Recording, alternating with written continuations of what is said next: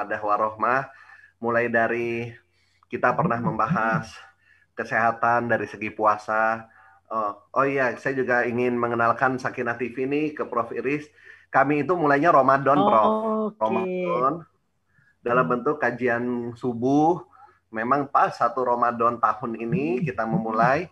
Ini memang kebanyakan komunitas uh, dari teman-teman okay. di BSD, Prof. Baik. Lalu dari kajian yang sifatnya agama, uh, yaitu kajian-kajian kuliah subuh, kita kemudian dengan tagline TV Keluarga, kita melakukan kajian yang sifatnya juga meningkatkan ketahanan uh, mental keluarga, meningkatkan ketahanan ekonomi. Kita pernah juga membahas tentang persiapan masa pensiun, lalu juga tentang ada beberapa pembicara coach trainer dari uh, apa investasi masa tua, lalu juga kesehatan tadi yang saya sudah sebut ya Prof intermittent yeah. fasting. Kemudian karena isunya memang COVID masih belum habis-habis, kita mengedukasi masyarakat terutama memang untuk menangkal hoax-hoax yang banyak di masyarakat ya Prof ya. Iya, betul. Lalu betul kayak sekali. kita kenal ada happy hipoksia, lalu juga gimana mengatasi depresi saat di rumah saja. Uh, pemirsa kita nih sudah dari Sabang sampai Merauke nih. Ya, Alhamdulillah. Luar biasa. dari Sidoarjo, dari Lampung, dari Pekalongan gitu. Dan insya Allah para pemirsa uh, nanti akan di chat Zoom dikirimkan chat uh, tentang link registrasi di mana nanti link registrasi peserta ini insya Allah peserta bisa mendapatkan slide dari pembicara lalu juga mendapatkan uh, rekaman dari acara ini. Mungkin bagi saudara-saudara para pemirsa yang masih belum bisa bergabung bisa ikut uh, melakukan download dari YouTube YouTube kami yang sudah-sudah. Uh, insya Allah ke depannya Sakinah TV bisa istiqomah. Mohon doa dari para pemirsa juga. Nanti di YouTube yang sudah-sudah bisa dilihat tentang kajian fikih keluarga, kajian fikih tentang uh, waris, kajian fikih tentang sholat, berwudu. Insya Allah, Sakinah TV tetap hadir dalam keadaan isi koma dan juga jangan lupa klik like and subscribe di YouTube kami serta nanti juga kami akan menyebarkan chat Zoom dari link donasi kami. Baik, hari ini kita selain dengan Prof. Iris dan Dr. Ratri, kita akan dibimbing acaranya dengan Dr. Andi Pratama sebagai moderator. Ini kawan saya juga di Unpad. Uh, eh, Dr. Andi Pratama sudah masuk, Dr. Andi, di kopi, Dr. Andi. Monggo, Dr. Andi, kalau misalnya sudah, sudah masuk satu menit lagi, acara kita mulai. Kemudian juga uh, acara ini kita akan bagi uh, tiga sesi. Sesi pertama, Prof. Iris Rengganis. Beliau adalah guru besar di FKUI RSCM, subspesialis konsultan alergi imunologi. Uh, Prof. Iris Rengganis ini uh, untuk imunologi tentu uh, selain masalah imunologi ketahanan dari penyakit, lalu juga penyakit-penyakit autoimun juga ya, Prof ya. Ya. Kemudian selain penyakit autoimun, alergi-alergi, ya. ya, alergi asma, alergi apa? Kalau dermatitis atopik ya. sama asma bronchialer, rinitis alergi itu ya. irisannya pulmonolog kulit juga gitu ya Prof ya. Ya, betul. Overlapping ya. Overlapping. Yang punya alergi ya, tapi khusus para pemirsa hari ini kita akan uh, masuk ke bahasan tentang imun, meningkatkan imun. Nanti kalau ada khusus Sakina TV sesi tentang pembahasan alergi, tentang asma, tentang pilek, rinitis alergi tiap pagi itu nanti kita akan bikinkan deh uh, momen yang lain. Kemudian juga sesi kedua, Dr. Ratri Saumi. Beliau adalah spesialis gizi klinik. Uh, home base utamanya Dr. Ratri di Fatmawati ya, Dr. Ratri? Iya. Baik. Beliau juga di Rumah Sakit UIN, Syarif Hidayatullah. Uh, teman sejawat juga di Rumah Sakit UIN, Ahlan, Dr. Ratri. Akan membahas lebih ke arah praktis daripada apa sih bahan-bahan yang meningkatkan imunologi. Kalau tadi kan Prof. Iris uh, sebelumnya akan membahas tentang bagaimana fungsi meningkatkan imunologi daripada vitamin C, vitamin D, vitamin E, kemudian zinkum. Nanti dokter lebih ke arah praktis apa sumber-sumber zat gizi atau makanan yang ada di eh, zat-zat uh, imunologi yang telah dijelaskan oleh Prof. Iris. Baik, para pemirsa, uh, untuk menghemat waktu, saya akan panggil Dr. Andi Pratama. Uh, saya sapa lagi, Dr. Andi. Ini kayaknya masih ngantri ya untuk moderator yang membimbing hari ini. Jadi setelah sesi pertama Prof. Iris, sesi kedua Dr. Ratri, lalu sesi ketiga tanya jawab. Masing-masing uh, pembicara akan diberikan waktu kira-kira antara 30 sampai 45 menit. Oh, ya. nanti senyamannya saja, Prof. Tapi kita nggak diburu waktu, waktu kita dari setengah enam sampai setengah delapan pagi. Alhamdulillah kalau misalnya nanti uh, pertanyaan chat Zoom ini bisa kita rekap. Kita akan rekap pertanyaan Zoom ini. Bagi para pemirsa yang telah mengisi link registrasi di link registrasi Sakina TV, mungkin kita akan akomodir untuk pertanyaan-pertanyaannya bisa kemudian uh, kita rekap dan ke depannya Sakina TV akan coba membentuk bank bank pertanyaan. Di mana mungkin kayak Prof. Iris, Dr. Ratri bisa kemudian ke depannya kalau tidak keberatan Eh, menjadi ya tidak rutin banget sih Prof. Konsultan kalau pertanyaan boleh boleh boleh uh, Dokter Andi Pratama sebagai moderator sudah masuk. Dokter Andi. Dokter Andi di kopi Dokter Andi Pratama. Monggo acara boleh dibuka. Dokter Andi. Assalamualaikum, Dokter Andi. Ini masih di waiting room, masih ngantri sepertinya. Dokter Andi Pratama. Baik. Uh, saya juga uh, akan mencoba, uh, Prof. Prof. Iris boleh menayangkan oh, iya. CV-nya dulu, boleh. Prof kami coba sambil ini menunggu Dokter Andi, saya tayangkan uh, CV dari Prof Iris. Ini Mungkin juga Dokter Andi silakan. tolong dibuka dulu, host disable. Baik. Saya belum bisa. Pak Apip, Pak Apip boleh Dokter Prof Iris dan Dokter Ratri langsung dijadikan co-host uh, admin Prof Iris dan Dokter Ratri kita jadikan co-host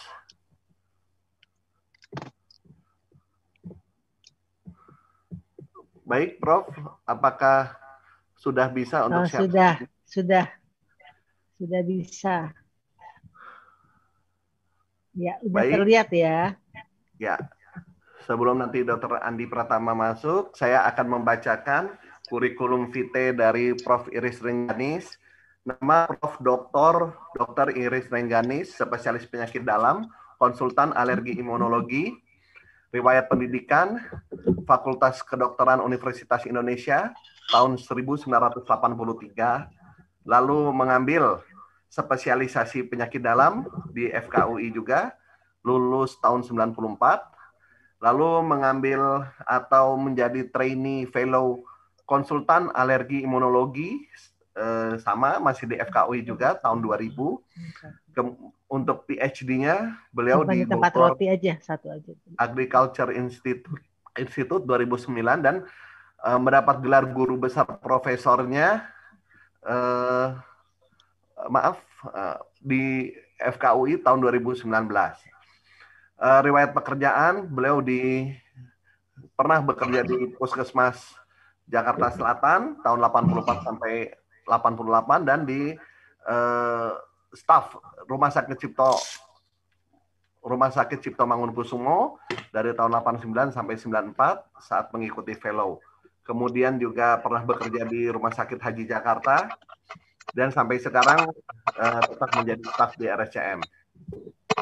Organisasinya beliau adalah anggota dari PBID, kemudian juga uh, menjadi bendahara di PB PAPDI Persatuan Ahli Penyakit Dalam Indonesia, kemudian juga Presiden dari Pengurus Pusat Peralmuni, Perhimpunan Alergi Imunologi Indonesia, dan juga anggota dari APAACI, Asia Pacific Association of Allergy, Asthma and Clinical Immunology. Uh, untuk hemat waktu, mungkin Dr. Andi Pratama kalau sudah bergabung, silakan untuk menjadi moderator. Dr. Andi Pratama untuk open mic. Oh, maaf, biar tidak terganggu, Prof. Ya. Uh, saya izinkan juga dulu uh, untuk membacakan CV ya. dari Dr. Ya, Ratri Salmit. Dok. Silahkan. Mohon maaf ya, Prof. Dr. Ratri, monggo Dr. Ratri boleh share screen untuk kurikulum vitae-nya, Dok.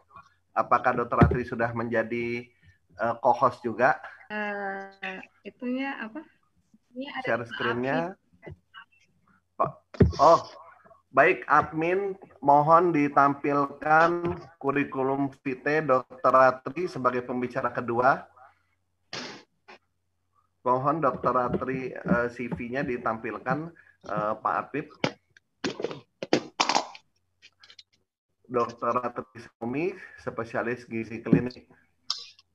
Baik, Pak Apip atau admin boleh ditampilkan kurikulum vitae dari Dr. Ratri.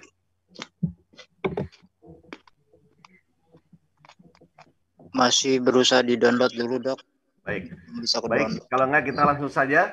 Dokter Andi Pratama sudah masuk atau waiting room kita saking banyaknya Dokter Andi nggak masuk-masuk nih.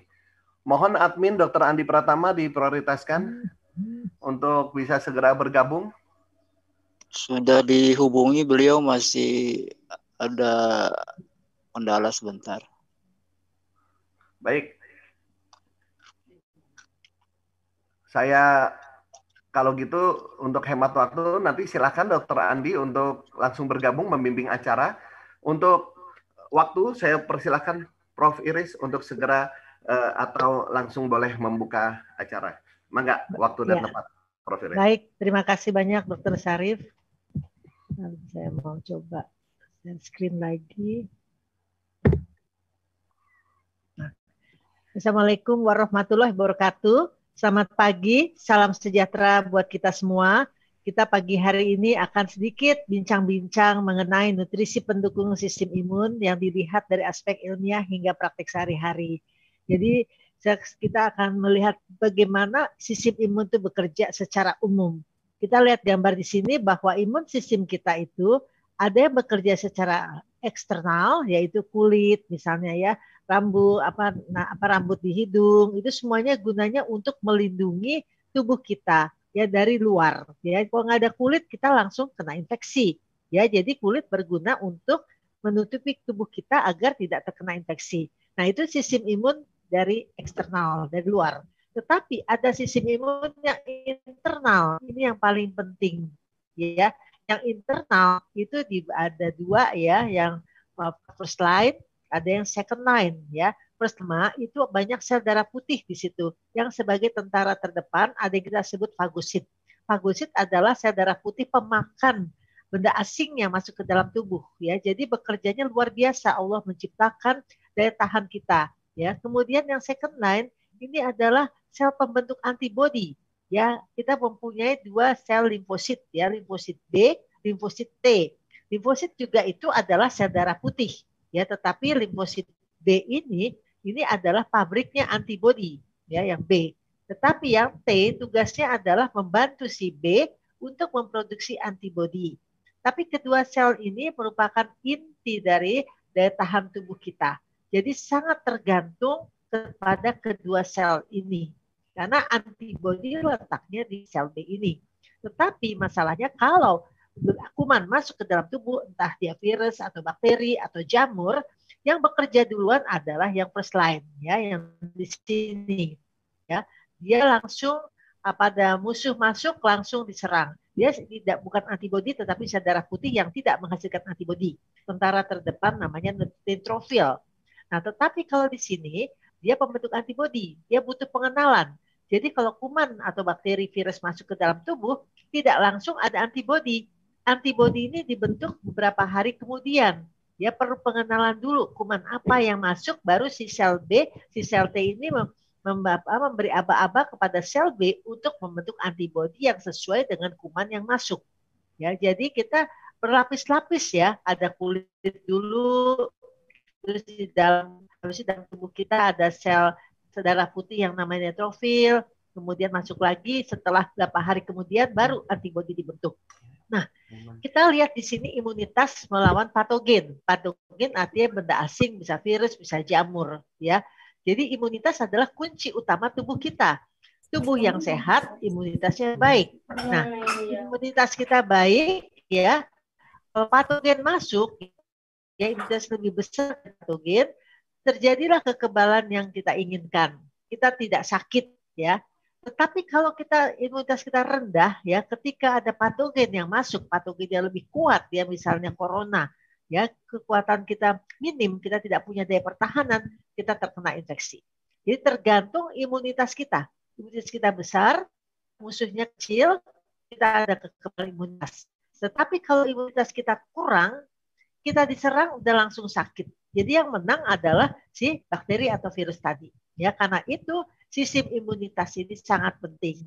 Pada pagi hari ini kita akan berbincang-bincang mengenai sistem imunitas kita tahu zaman sekarang ini adalah masa yang sangat memprihatinkan seluruh dunia ya kita si corona ya corona ini apa namanya virus yang yang belum pernah kita tahu tentang seluk beluknya sehingga sistem imun kita juga kerepotan ya pengobatannya juga ganti-ganti karena mencari yang terbaik ya tetapi dengan demikian akan jadi banyak korban ya karena kita belum tahu sistem imun juga belum tahu bagaimana mengendalikannya jadi kalau terkena infeksi, pengobatannya pun belum maksimal atau belum sempurna. Nah, karena itu ada yang disebut new normal. Ya, sekarang kita masuk kondisi new normal, yaitu tatanan hidup baru yang telah ditetapkan oleh pemerintah ada 3M sebetulnya ya. Memakai masker, ya, kemudian mencuci tangan, pakai sabun, yang paling baik pakai sabun di air mengalir selama 20-30 menit, detik, bukan menit, detik, ya, kemudian ada menjaga jarak ya social distancing. Yang minimal kalau bisa satu setengah meter. Jangan satu meter. Satu meter kalau orang bersin itu masih nyampe kalau nggak pakai masker ya. Kalau pakai masker pun kita ngeri ya satu meter masih terlalu dekat ya. Jadi sebaiknya satu setengah meter minimal. Ya jadi kita ada 3 M tadi itu masa new normal kita. Ya sampai kapan kita belum tahu ya. Nah karena itu kita ada perubahan gaya hidup, fokus pada kebersihan diri dan lingkungan, membiasakan berolahraga di rumah, mengkonsumsi makanan sehat, vitamin, mineral, antioksidan, probiotik. Nah, inilah pokok pembicaraan kita pada pagi hari ini, ya. Kemudian kita harus hidup sehat, mengubah hubungan yang sehat dan biasakan kita memakai masker, menghindari kerumunan, ya, mencuci tangan, pakai sabun, mengalir 30 detik. Nah itu harus hafal di luar kepala dan itu merupakan cara hidup kita saat ini ke new normal. Ya way of life kita seperti itu ya. Nah inilah salah satu cara meningkatkan imun sistem. Jadi dari luar tentu kita pakai masker, cuci tangan ya. Kalau perlu pakai face shield juga ya. Tapi dari dalam sistem pertahanan kita harus dari dalam utamanya ya yaitu kita yakin tidak makanan yang kita makan cukup isinya ya. Untuk kondisi corona saat ini kondisi pandemik sebaiknya kita apa minum suplementasi ya. Saya sangat menganjurkan karena kita tidak yakin berapa banyak makanan yang kita bisa makan ya sesuai dengan gizi ya. Nanti kita dengar ya pembicara kedua yang lebih bagaimana meningkatkan dengan gizinya ya. Nah ini kita harus sedia payung sebelum hujan ya, jangan sampai corona masuk ke dalam tubuh kita. Supaya kita bagaimana kita tetap berolahraga, olahraga tetap penting di rumah saja, tidak ke gym setengah jam per hari ya, jangan terlalu capek juga ya. Kondisi kita harus menjaga kondisi kita tidak terlalu capek, cukup banyak istirahat ya.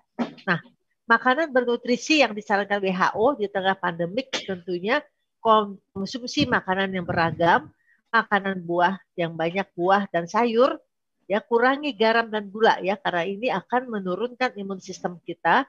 Atur kandungan lemak dan minyak dalam makanan. Terlalu banyak lemak, kolesterol tinggi juga sistem imun kita tidak baik ya.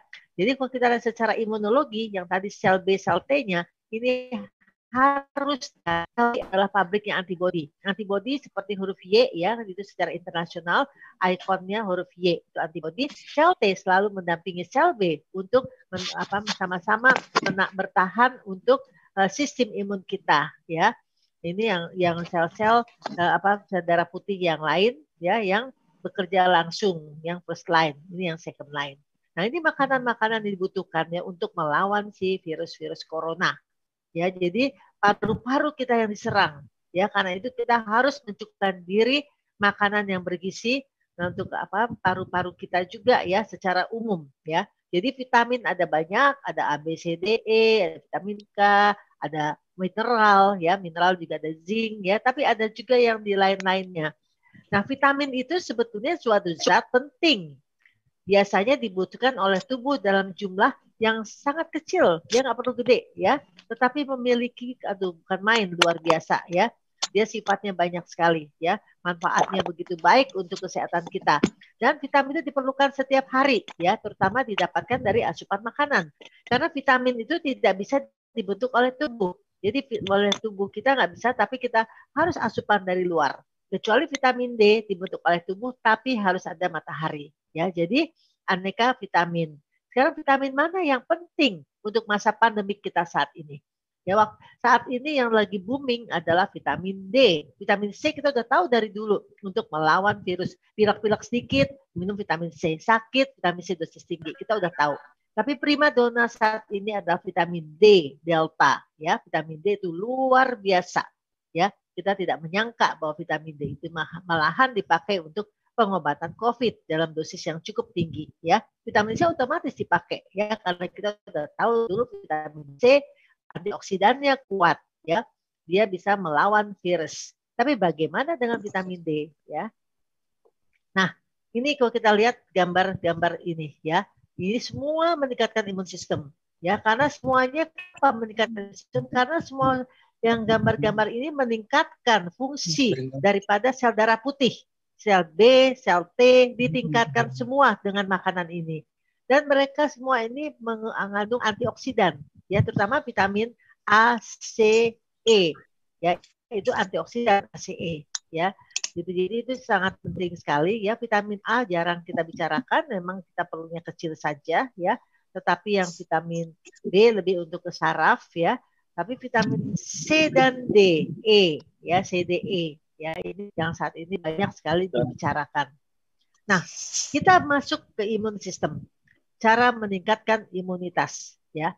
Kita lihat kondisi lingkungan. Kehidupan manusia tidak dapat dipisahkan dengan makhluk hidup lainnya ya, terutama mikroorganisme ya kita nggak bisa pisahkan. Ini contohnya virus ya yang bersifat merugikan nanti tidak bermanfaat ya. Jadi jenis-jenis patogen, patogen itu zat yang menyebabkan penyakit ya ada virus karsinogen yang menyebabkan kanker polusi ya ada kuman parasit itu cacing misalnya ya bakteri ya kemudian uh, jamur dan toksin racun-racunnya ya. Jadi mikroorganisme ini semua ini merugikan namanya patogen ya. Jadi apa dari lingkungan bisa ya kendaraan bermotor asap seperti ini pun apa namanya terkontaminasi ya. Jadi hati-hati makanan sehat tetapi terkontaminasi karena jualannya di luar. Ya akhirnya orang jadi sakit tifus segala macam. Ya, jadi hati-hati membeli makanan harus kondisi bersih. Percuma kita beli makanan mengandung vitamin tetapi sudah terkontaminasi dengan si virus atau si bakteri tadi. Nah, kita mulai dengan vitamin C. Vitamin C itu kita lihat ingatnya pasti jeruk kan, vitamin C. Ada buah kiwi, ada jeruk. Ini sangat tinggi mengandung vitamin C-nya. Ya. Nah, vitamin C kan kita tahu vitamin yang larut dalam air ya. Dia di apa diserapnya mudah ya selalu cerna dan dikeluarkan melalui kencing kita, urin ya. Terdapat di berbagai macam sayur, buah, daging, hampir semua mengandung vitamin C. Tetapi yang utamanya adalah si uh, buah ini jeruk paling banyak vitamin C-nya ya nanti pembicara kedua akan lebih mengupas ya. Tapi vitamin C-nya itu kan dia cepat teroksidasi ya. Jadi cepat sensitif kena cahaya lembab. Misalnya pisang Ambon. Dia vitamin C cepat teroksidasi kena udara lama-lama jadi hitam. Ya apel juga demikian ya. Jadi apa namanya juga cahaya juga itu kelembaban sangat mempengaruhi apa namanya kondisi daripada buah itu. Vitamin C apa dari segi sistem imunnya? Dia tuh menangkal radikal bebas ya. Radikal bebas itu uh, zat-zat yang racun-racun yang dikeluarkan di dalam tubuh ya dan dia bersifat antioksidan menetralisir. Jadi kalau ada racun-racun dalam tubuh kita minum vitamin C tujuannya menetralisir ya meningkatkan fagositosis. Nah, fagositosis ini apa namanya memakan kuman ya. Jadi si sel darah putih itu ditingkatkan fungsinya supaya mudah dia memakan si kuman. Itulah tugasnya vitamin C. Ya, kita butuh tiap hari eh, nggak usah besar-besar ya, 500 mg kondisi baik. Kecuali kalau sakit bisa sampai 1000 maksimum sampai 2000 mg. Jangan terlalu tinggi juga karena bisa ada penumpukan di ginjal, akhirnya bisa jadi batu ginjal ya. Jadi harus berhati-hati. Segala sesuatu yang hipo namanya hipo atau kurang tidak akan berguna. Kelebihan akan kesulitan. Jadi dosis yang sesuai dan sesuai kondisi tubuh kita. Ya. Kemudian vitamin C juga dia pembersihan sel yang disebut apoptosis dan clearance ya. Jadi ada sisa-sisa infeksi, vitamin C juga apa bekerja sebagai clearance, pembersih ya. Jadi dia meminimalisasi kerusakan daripada jaringan. Memang vitamin C terkenal juga di dokter kulit untuk kecantikan ya. Jadi kulitnya jadi bagus, mukanya kinclong seperti itu ya. Ya ibu-ibu banyak yang senang disuntik vitamin C. Ya seperti itu. Enggak salah, enggak salah. Karena memang itu punya kelebihan vitamin C sebagai antioksidan. Ya di kulit jadi bagus ya, tidak cepat keriput misalnya. Ya seperti itu. Tapi untuk kondisi zaman COVID seperti ini yang kita lihat dari sudut sistem imunnya, ya, dia meningkatkan fagositosis, ya, memakan apa namanya, bukan memakan, dia membantu sel darah putih yang memakan virus atau bakteri, ya, atau patogen-patogen, ya, zat-zat yang menyebabkan penyakit, ya, bakteri, virus. Vitamin C untuk sistem imun sangat dibutuhkan, ya, sangat dibutuhkan. Jadi Jangan sampai kita kekurangan vitamin C apalagi di masa pandemik ini. Peranannya sebagai anti apa penunjang pengobatan ya mencegah penyakit kanker, penyakit jantung dan dia meningkatkan sistem imun untuk melawan infeksi ya. Dan ini juga yang kelebihan yang lain adalah penunjang sintesis kolagen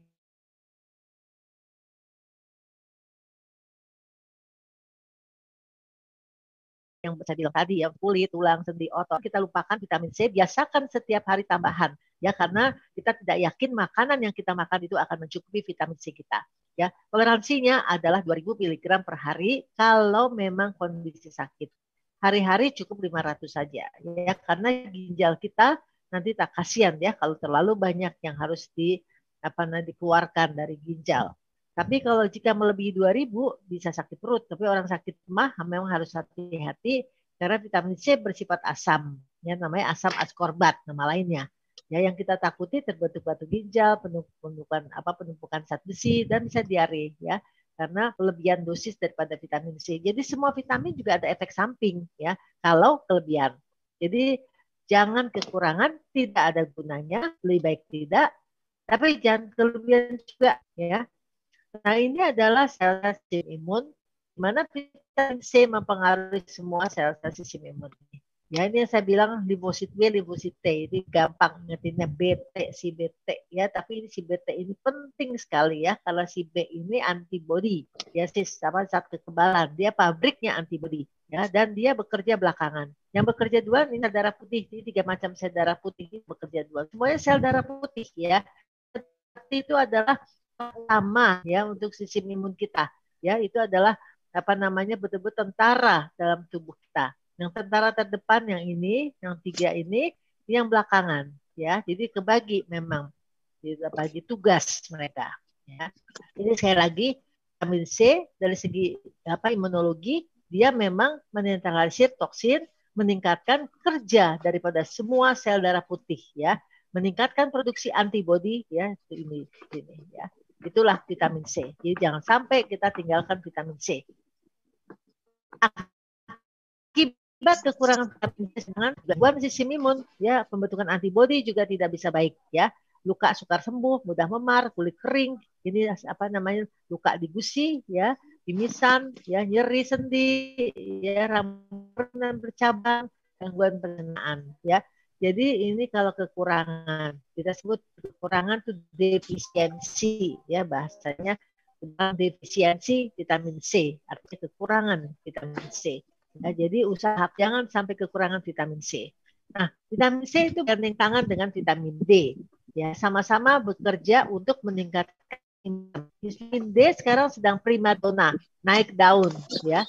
Karena vitamin D ini betul-betul merupakan vitamin yang nah, tapi vitamin D di samping dari makanan juga dari makanan ada banyak dijual vitamin D untuk tambahan. Yang paling baik kita mengukur vitamin D kita di darah ya. Kita cek vitamin D kita apakah kita kekurangan, defisiensi atau tidak. Nilainya kita belum ada nilai di Indonesia yang baku. Kita pakai nilai dari luar negeri, Amerika atau Eropa, yaitu normalnya 30 sampai 100. Kalau di bawah 30 artinya defisiensi ya. Nah, inilah fungsi daripada vitamin D di imun sistem kita. Semua organ ini butuh vitamin D. Semua organ ini mempunyai reseptor untuk vitamin D. Reseptor itu artinya tempat parkirnya vitamin D. Jadi vitamin D masuk ke dalam tubuh dia langsung nempel-nempel di organ-organ yang membutuhkan, ya. Jadi mereka semua ada tempat parkirnya, vitamin D tempat parkirnya di sini reseptor-reseptornya ya. Di vitamin D ini penting sekali untuk tulang. Kita tahu dari zaman dulu untuk tulang dan gigi kita tahu kekurangan vitamin D tulang nyeri-nyeri. Tapi sekarang juga ada nyeri sendi, nyeri otot. Ya. Bahkan sekarang adalah sistem imun kita juga di, sangat tergantung dari vitamin D. Tidak hanya vitamin C, yang akan mem, apa namanya merangsang sel B untuk membentuk antibodi, tapi vitamin D juga demikian ya.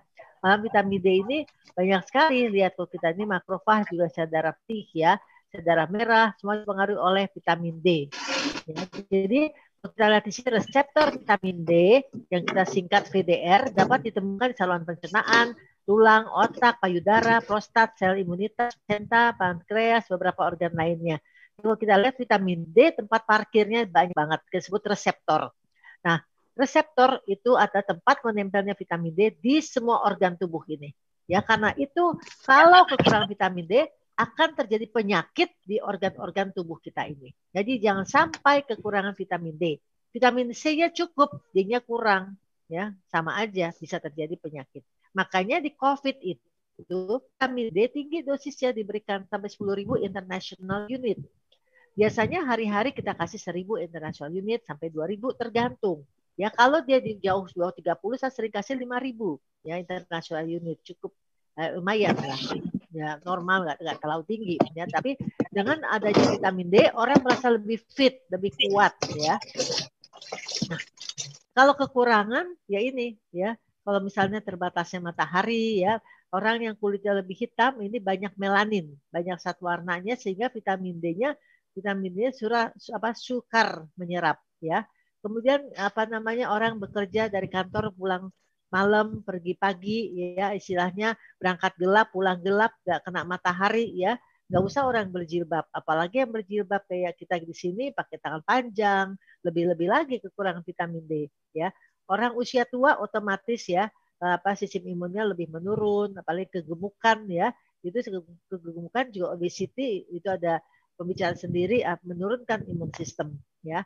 Nah, jadi kalau kita lihat di sini ya gangguan yang di semua kita yang tertutup ini juga butuh vitamin D sebetulnya ya.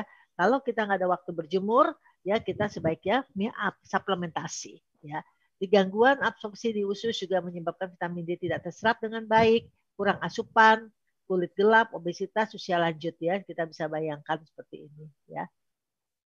Nah, ini kan seger banget ya lihat matahari aduh kayaknya enak banget. Ya Tuhan memberikan kita luar biasa ya luar biasa gratis ya negara Indonesia gratis vitamin D sebetulnya ya.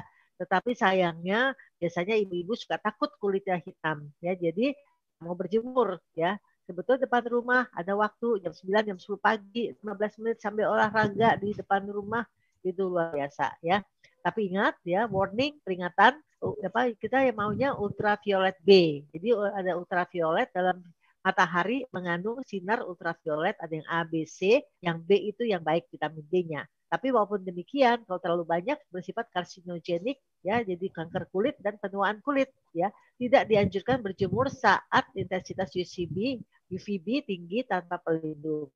Pelindung maksudnya apa namanya sunblock, ya. Memang sunblock itu ya kalau terlalu tinggi jam 12 siang atau jam 1 siang bolong itu terlalu tinggi cukup lima menit seperti itu ya. Jadi kita harus bijaksana ya. Jadi vitamin D itu kalau kita jemur itu dipengaruhi oleh durasi dan waktu paparan radiasi ultraviolet B. Tergantung musim, hujan, hujan wah nggak ada vita, nggak ada matahari ya, awan berkabut, kandungan melanin seperti yang tadi pada orang yang berkulit gelap itu kandungan melaninnya banyak ya sehingga kulitnya gelap sehingga penyerapan vitamin D lebih sulit karena banyak melanin di kulitnya. Tabir surya kita pakai sunblock ya terlalu banyak sunblock dia nggak bisa nyerap juga ya. Karena itu kita harus bijaksana dalam saat kita mau berjemur. Tetapi untuk orang yang punya autoimun seperti penyakit lupus itu tidak dianjurkan untuk berjemur. Karena pada autoimun lupus itu memang musuhnya sinar matahari. Pada saat dia berjemur kulitnya akan memerah dan akan kambuh lupusnya ya, nyeri sendi semuanya akan muncul. Ya, jadi kita lihat kalau nggak ada penyakit lupus tidak apa-apa berjemur, malahan sehat ya, dapat vitaminnya gratis ya, seperti itu. Nah, kita sudah bicara vitamin C, vitamin D, ya dan E. Kenapa E? Ya karena E juga kan antioksidan, ya. Vitamin E sangat baik sekali. Jadi sebetulnya sistem imun kita tuh butuh semua vitamin. Kalau dilihat sih semua vitamin dibutuhkan oleh sistem imun kita dalam bentuk yang kecil, jumlah kecil. Nah, itu mampu menemukan rambut, rambut, tapi dia juga antioksidan dia melancarkan sirkulasi darah ke kulit kepala misalnya ya. Tapi dia juga mengurangi oksidasi lemak. Dia lebih ke arah antioksidan ya. Jadi eh, kita kan banyak racun-racun yang dikeluarkan oleh tubuh yang namanya eh, apa radikal bebas, radikal bebas ya. Jadi dia menyebabkan kondisi dalam tubuh tidak baik ya, menyebabkan suatu penyakit kalau radikal bebas itu atau racun-racun atau radikal bebas itu tidak dikeluarkan oleh tubuh. Nah, ini dibantu oleh vitamin E, vitamin C, vitamin E yang mempunyai sifat antioksidan. Jadi vitamin C banyak banget tugasnya tadi ya. Vitamin E lebih banyak ke antioksidannya. Ya, tetapi memang uh, dia lebih banyak ke apa namanya uh, fungsi apa pembuluh darah, peradangan, ya penggumpalan darah. Ke vitamin E lebih banyak ke situ dan juga ke kecantikan ya, ke kulit, ke rambut ya seperti itu. Nah, antioksidan dan dalam vitamin E sendiri itu melindungi otak dari stres oksidatif. Ya, jadi kalau kita oh, sininya banyak toksin, ada macam-macam pikiran, jadi bikin stres di sini, itu jadi lebih cepat memicu terjadinya kepikun apa pikun ya Alzheimer. Jangan sampai terjadi. Ya. Selain itu, stres oksidatif sendiri dapat meningkatkan apa, se, apa seiring dengan bertambah usia, otak itu rentan dengan stres. Makin kita tua, kita lebih gampang stres ya karena apa karena banyak yang nggak bisa kita kerjakan sendiri perlu bantuan orang. Kalau nggak ada yang bantu kita stres. Ya kita nggak bisa bekerja udah pensiun misalnya ya. Jadi banyak stres-stres pada usia tua yang menyebabkan kita jadi banyak khawatir ya. Nah itu ada yang tidak baik ya. Sehingga otak menjadi tidak baik. Nah vitamin C dengan E bersama-sama dapat diminum bersama-sama itu akan menolong untuk mengurangi demensia. Demensia itu cepat lupa, pikun ya. Nah, sifat antioksidan daripada vitamin E ini mengurangi efek samping dari perawatan kanker. Jadi antioksidan itu penting sekali ya pada orang kanker dikasih antioksidan itu akan baik ya, akan lebih baik ya. Radiasi itu juga bikin nah, apa toksin-toksin dalam tubuh ya. Dan kalau dikasih antioksidan akan lebih baik ya. Nah, vitamin E juga dia mampu menjaga endokrin. Endokrin ini sistem hormon, hormon yang ada dalam tubuh kita, sistem ya, sehingga hormon itu menjadi karena itu kita perlu makan makanan yang mengandung vitamin C. Ya kalau kita merasa kurang, kita konsumsi ada multivitamin A, B, C, D, E. Bisa biasa bilang gitu A, B, C, D, E. Tetapi yang D-nya itu harus ada ekstra lagi ya karena D itu adalah untuk sistem imun untuk imunologinya tuh di D itunya kuncinya ternyata baru terakhir kita tahu itu tahunya cuma C aja ya sekarang D. Jangan lupa konsumsi vitamin D. Nah Tadi kita fokus vitaminnya ada vitamin C, D, E. Ya yang untuk imun sistem adalah C dan D kebanyakan ya. Yang E sebagai antioksidan. Nah, ini ada yang namanya zinc atau zinkum ya atau seng ya bahasa Indonesia seng. Itu semacam mineral ya bukan semacam memang dia masuk mineral ya kita lihat itu apa ada di macam-macam makanan zinc gitu ya tetapi kita memang apa namanya kadang-kadang bisa kekurangan zinc kalau kita kekurangan makanan-makanan yang bergizi seperti ini. Ya, nanti pembicara kedua akan lebih mengupas bagaimana supaya makanan kita bisa cukup ya untuk apa namanya vitamin mineralnya baik. Nah, kalau kita berbicara tentang zinc, zinc itu sebetulnya bermanfaat membantu penyembuhan luka, memperkuat sistem kekebalan, membantu pertumbuhan sel, membantu sintesa DNA, banyak banget tugasnya ya serta berperan penting dalam tumbuh kembang anak. Jadi anak juga sangat memerlukan zinc. Ya, jadi pemberian suplemen bahan zinc ini dianjurkan. Ya, tapi bagaimana kita tahu kita kurang? Ya, ya biasanya lebih lemah. Ya, tapi bisa diperiksa di dalam darah. Ya, zinc merupakan mineral penting yang terlibat di produksi sel-sel kekebalan tubuh. Nah ini dia kuncinya. Ya, jadi nggak ada nggak hanya vitamin untuk sistem kekebalan, tapi mineral tuh banyak banget mineral. Ya, tapi salah satu zinc ini yang kita butuhkan untuk kekebalan tubuh. Karena kita bicara tentang pandemik, pandemik pada COVID-19, COVID-19. Ya, kita perlu meningkatkan imun sistem kita pada era new normal. Karena kita belum ada vaksin. Ya, kapan-kapan kalau apa udah ada vaksin, kemungkinan mungkin lebih baik kalau vaksinnya pas cocok ya. Mudah-mudahan kita harus berdoa untuk itu ya. Nah, zinc itu merupakan mineral penting yang terlibat di dalam produksi sel-sel kekebalan tubuh. Jadi kekurangan zinc ini dapat menyebabkan respons imunnya melemah. Ya, suplemen zinc ini dapat merangsang sel kekebalan, ya sel kekebalan yang tadi sel darah putih intinya, ya. Dan dia mampu mengurangi stres oksidatif. Stres oksidatif itu adalah yang toksin-toksin, racun-racun kita sebut stres oksidatif ya atau radikal bebas ya. Itu istilahnya. Radikal bebas, stres oksidatif ya yang dimaksud itu adalah sisa-sisa racun tubuh yang harus dikeluarkan. Ya, itu bersifat toksik, ya bersifat racun, toksik itu racun. Sebuah penelitian menunjukkan bahwa 80 sampai 92 mg zinc per hari dapat mengurangi lamanya flu ya hingga 33 persen. Jadi dia memang meningkatkan imun sistem kita apa namanya merangsang produksi sel-sel kekebalan, sel-sel Suplemen zinc itu juga mengurangi risiko infeksi, dia meningkatkan respon kekebalan pada orang yang lebih tua, ya. Tubuh membutuhkan untuk limfosit T, ya. Dan banyak kita ngomong tentang B, membentuk antibodi, tapi T dan B, si BT ini sama-sama selalu bersama-sama. Karena si T ini ada yang namanya sel T pembantu atau CT helper, dia membantu sel B untuk memproduksi antibodi. Di sel T itu banyak jenisnya yang membantu sel B untuk membentuk antibodi namanya sel T pembantu ya atau sel T, T helper kita sebutnya. T helper. Dia mengendalikan dan mengatur respon imun, dia menyerang sel-sel yang terinfeksi atau kanker ya. Nah, inilah tugasnya si zinc. Jadi kalau kekurangan zinc itu merusak fungsi sistem kekebalan. Ya artinya antibodinya juga tidak terbentuk dengan baik. Karena antibodi itu banyak yang harus apa menopang ya sel sel B dan sel T ini supaya betul-betul antibodi berkualitas itu harus didukung oleh vitamin mineral dan suplemen suplemen lain ya.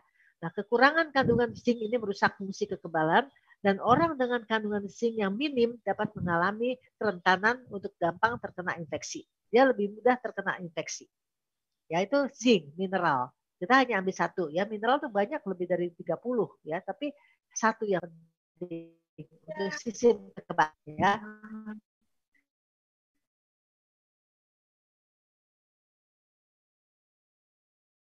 Saya kira kasih ini apa macam nggak heran ya. Ada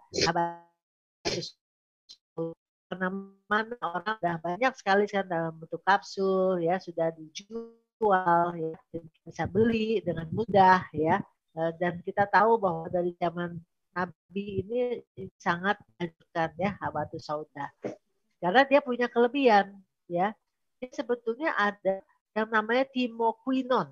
Di dalam habatus sauda, saat aktifnya timoquinon ini dalam minyaknya terkandung di dalamnya dapat yang mempengaruhi kematian sel yang diprogram ya. Jadi apoptosis itu artinya sel-sel yang sudah mati ya. Nah, ini dia mempengaruhi itu. Supaya sel menjadi baru lagi ya. Jadi sel-sel dalam tubuh kita juga berganti ya. Eh, apa namanya dalam eh, sel-sel kanker seperti itu ya. Jadi semua apa namanya harus dimatikan. Sel-sel yang nggak berguna udah harus dimatikan. Ya kok nggak jadi racun dalam tubuh kita? Nah habatus sauda itu juga dipercaya memiliki kandungan yang ada kemogen dari fluorouracil ya gimana. Tapi yang nama aslinya habatus sauda ya Jintan hitam mengandung timoquinon, ya ini antioksidan sifatnya. Dia antiinflamasi, anti radang, ya memiliki sifat anti tumor. Jadi yang jelas dia antioksidan, antiinflamasi, anti tumor. Dia punya tiga efek, bagus sekali, ya. Tapi dia juga punya efek untuk apa namanya eh, apa mempengaruhi kematian sel, ya. Ya salah satunya dipakai untuk sebagai anti tumor atau anti kanker, ya. Timoquinon merupakan salah satu bahan dalam biji jintan hitam yang bermanfaat, ya. Nah ini sangat penting timoquinon. Jadi setiap apa namanya uh, zat itu ada zat apanya zat aktifnya ya. Namanya quinotinon quin timoquinon yang ada di habatus sauda. Ya dia memang yang tadi saya katakan anti racun ya antioksidan ya seperti itu ya. Mencegah penerimaan kanker ya menghancurkan racun dalam tubuh ya. Dan dia meningkatkan daya tahan tubuh ya karena dia juga bekerja di sel T ya Madu juga saya ini juga banyak yang harus saya jelaskan ya. Sebagian besar dari kita atau semua mungkin minum madu setiap hari ya. Tapi madu itu banyak macamnya. Jangan terkecoh ya. Ada madu yang kebanyakan gulanya, itu berbahaya. Gula itu musuhnya kan apa musuhnya oh, untuk kesehatan. Banyak gula sel kanker enak ya, makin jadi. Karena sel kanker makannya gula. Ya hati-hati beli madu harus cari madu asli. Biar mahal nggak apa-apa tapi asli. Ada dari Yaman ada dari Saudi ya. Dan itu sangat kental ya. Sangat kental sekali ya. Kadang kalau diminum aja masih ada sisa di sendok ya. Kadang-kadang tuh saya pakai air lagi karena sayang kalau terbuang ya. Itu madu yang asli betul ya. Jadi mahal harganya juga sangat mahal ya. Kalau madu yang murah-murah meriah ya itu lebih banyak gulanya. Hati-hati ya. Kayaknya sehat tapi jadi malah nggak sehat ya karena gula itu makanannya sel kanker. Ya hati-hati. Madu itu berasal dari nektar yang dihasilkan oleh lebah ya. Madu alami jauh lebih berkhasiat ketimbang di kemasan yang telah tercampur bahan-bahan lainnya. Di sisi lain madu asli juga bersifat lebih kental ini saya katakan tadi ya. Madu memiliki rasa manis yang khas karena mengandung unsur monosakarid fruktosa dan glukosa yang lebih baik ketimbang gula Ya, jadi dia memang mengandung gula, tapi jenisnya monosakarida, fruktosa, dan glukosa. Madu mengandung kalori gula yang dapat menyerap lemak dengan baik, terutama apabila dikonsumsi bersama dengan air hangat. Ya, nah itu kita harus tahu kunci-kuncinya juga. Ya, madu asli dia manis, tapi bukan gula yang gula yang biasa. Ya, dia glukosa dan fruktosa. Nah, madu memiliki campuran senyawa fruktosa, ya, dan glukosa tadi ya sekitar 30-an persen. Ya, dan madu itu mengandung antioksidan dan antikristin, pinobaksin, vitamin C, katalase, inosetrin, yaitu hal apa zat-zat yang meningkatkan imun sistem semua, ya. Jadi kalau kita lihat semua kandungan tersebut tentunya sangat bermanfaat bagi kesehatan tubuh. Makanya madu itu kita rasanya kuat. Ya pagi minum satu sendok makan madu asli, ya itu rasanya kuat. Ya tiap bulan puasa juga demikian ya kita kalau sahur minum madu ya Nah, itu tapi harus asli ya, jangan banyak gula. Kalau banyak gula yang ada diabetes akan cepat sekali gula darahnya menaik naik ya. Jadi hati-hati jangan sampai beli yang palsu ya. Jadi kemanfaatnya mencegah diabetes padahal dia manis tapi manisnya khusus yang fruktosa dan glukosa. Jadi bukan gula yang meningkatkan kadar gula darah ya. Jadi dia memang sekali lagi dia adalah kombinasi fruktosa dan glukosa yang akan justru mengatur kadar gula darah ya mencegah kanker, dia punya sifat antioksidan yang kuat. Jadi sebetulnya intinya untuk sistem imun kita butuh antioksidan. Kita lihat dari vitamin tadi ya, vitamin C, D, E, zinc itu semuanya mengandung antioksidan, termasuk madu. Ternyata madu juga mengandung antioksidan, tapi madu asli. Ya. Madu juga bisa meningkatkan kesehatan jantung, ya. Madu juga dapat membantu pembentukan gumpalan darah, ya, mengurangi risiko stroke dan penyakit jantung. Dan madu dapat melangsang produksi sel-sel kekebalan tubuh ya. Dia bersifat nutrisi, nanti pembicara kedua akan lebih nutrisinya bagaimana ya. Dan dia detox, mendetoks bakteri yang dapat membuat tubuh terserang penyakit ya. Jadi dia juga menyembuhkan luka ya. Saya lihat ada satu dokter bedah untuk penyembuhan luka dia memakainya madu. Ya madu betul, tapi madu asli. Ya bagus sekali lukanya. Ada beberapa pasien autoimun saya yang ada luka di kakinya, yang lukanya agak parah ya, dibersihkan oh. sama dokter bedah itu dan dia memakai madu setiap hari. Luar biasa. Ya, memang tidak secepat itu dia baik ya lukanya tetapi lukanya jadi bagus sekali dan alamiah sekali ya pakai madu. Jadi dokter itu memang penelitian S3-nya penyembuhan luka memakai madu luar biasa. Dan sampai hari ini saya kalau ada luka yang parah saya selalu apa namanya mengirim ke dokter bedah tersebut ya. Mungkin bisa diundang tuh kapan-kapan ke sini ya. Beliau sangat apa agamanya bagus sekali ya. Jadi kalau ke pasien ayat-ayat Al-Qur'an juga diinikan ya itu bagus sekali ya. Jadi merasa apa tenang ya sama dokter yang seperti itu rasanya nyaman ya. Nah, menurunkan kolesterol berat badan ya. Madu juga dipercaya ya mampu menurunkan berat badan ya. Madu dengan air hangat dan lemon sedikit ya, lemon atau jeruk nipis itu akan luar biasa ya. Itu akan bagus untuk apa namanya mengecilkan perut katanya. Silahkan saja dicoba ya. Sekali lagi madunya harus asli ya. Seperti itu. Nah ini kurma ya. Kurma banyak macamnya. Kok tiba-tiba kurma ya. Karena memang di muslim kita kan madu batu soda kurma ya. Kalau puasa aja nanti makan kurma, buka puasa kurma. Kenapa kurma? Padahal eh, hanya apa satu dua itu sudah kenyang karena kandungan gulanya baik, tapi gulanya bukan gula yang berbahaya ya. Kita lihat di sini buah yang sering kita sebut buah nabi, ada kurma nabi ya, kurma macam-macam. Kita maunya kurma nabi, enak sekali kurma nabi dan itu memang paling mahal ya. Secara umum kandungannya utamanya karbohidrat sederhana ya, terutama gula, sukrosa, fruktosa. Ya hampir 70% dari kurma ada karbohidrat, makanya kita agak kenyang. Ya buka puasa aja pakai kurma itu udah baru kita apa sholat segala macam ya. Itu eh, ada udah ganjel. Ya bagus sekali luar biasa. Ya kurma itu nutrisinya. Ya kalau kita lihat di sini dia mengandung macam-macam uh, mineral. Ya protein karbohidrat mineral. Ya nanti pembicaraan kedua mungkin akan lebih mengupas mengenai gizinya daripada kurma tapi yang jelas dia ada antioksidan. Dia juga mengandung antioksidan. Jadi rata-rata untuk sistem imun kita butuh antioksidan. Ya karena untuk pengeluaran apa sisa-sisa um, apa toksin racun ya. Radikal-radikal bebas banyak sekali dalam tubuh kita.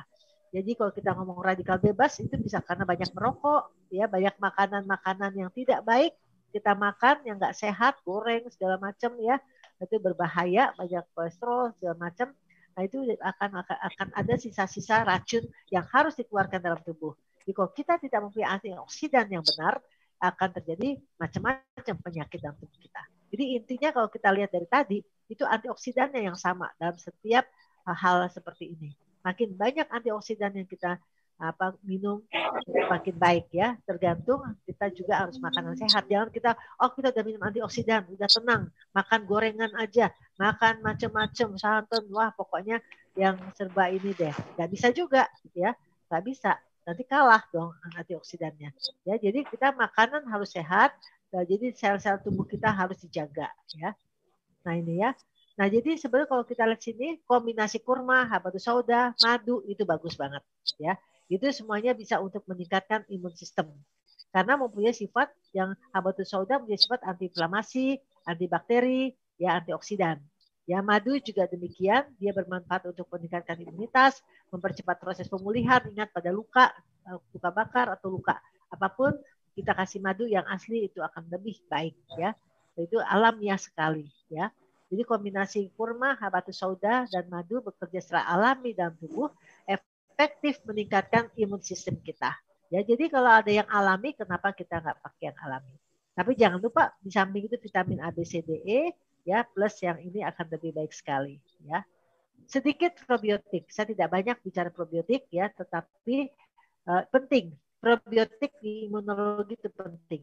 Kita kenal namanya probiotik itu bakteri baik, ya karena apa namanya dalam tubuh kita ada yang disebut microbiome mikrobiom atau mikrobiom itu kondisi dalam tubuh kita di mana banyak apa apa apa namanya eh, mikro-mikro yang apa namanya eh, yang tinggal dalam tubuh kita ya.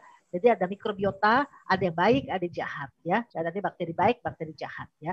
Jadi kalau kita ngomong probiotik itu berguna untuk menambah jumlah bakteri dalam saluran cerna Karena banyak makanan yang merusak saluran cerna sehingga memudahkan bakteri masuk ke dalam saluran apa usus kita. Nah, probiotik itu apa mikroba baik ya. Dia dia bisa ada di yogurt, sour cream, kefir, probiotik susu ya. Jadi ada yang disebut probiotik. Tapi probiotik kan butuh makanan yang disebut prebiotik. Prebiotik adalah makanan untuk probiotik. Prebiotik juga didapat dari makanan-makanan ini.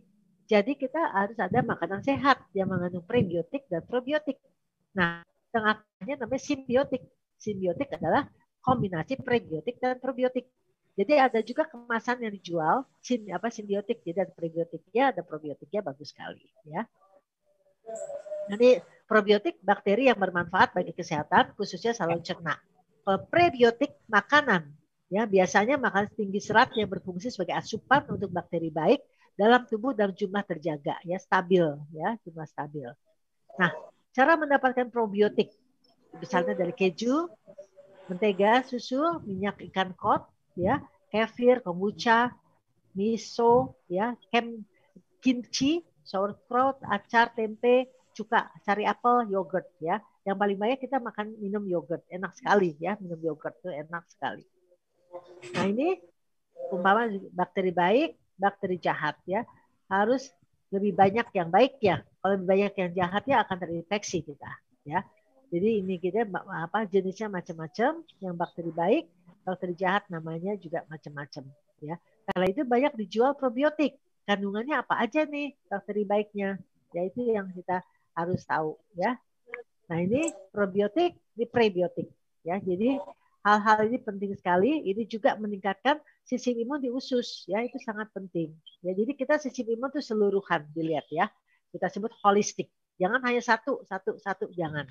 Seluruhnya holistik ya. Holistik ada keseluruhan.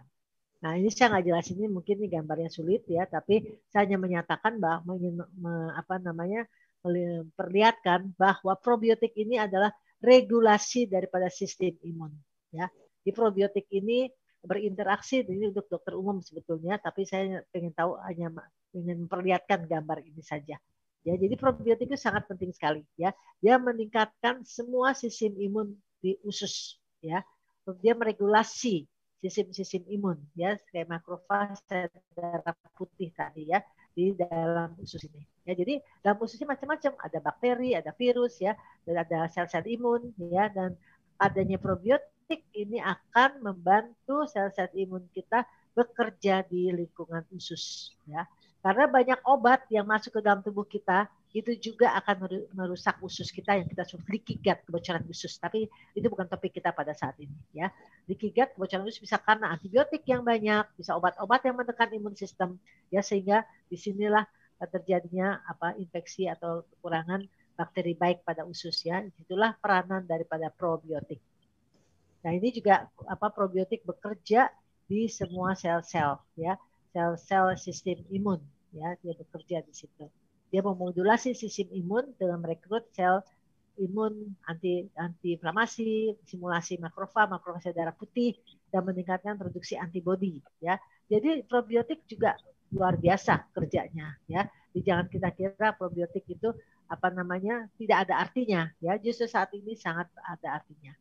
Nah ini sebagai kesimpulan dari keseluruhan, mungkin bagaimana kita meningkatkan sistem imun di tengah pandemi COVID-19. Kalau nggak perlu pergi-pergi, tinggal di rumah. Kalau ada yang WFH, WFO, silahkan diatur dengan kantornya masing-masing. Minum air putih 8 gelas sehari, itu penting. Di luar kopi, teh, ya air putih supaya ginjal kita tetap baik.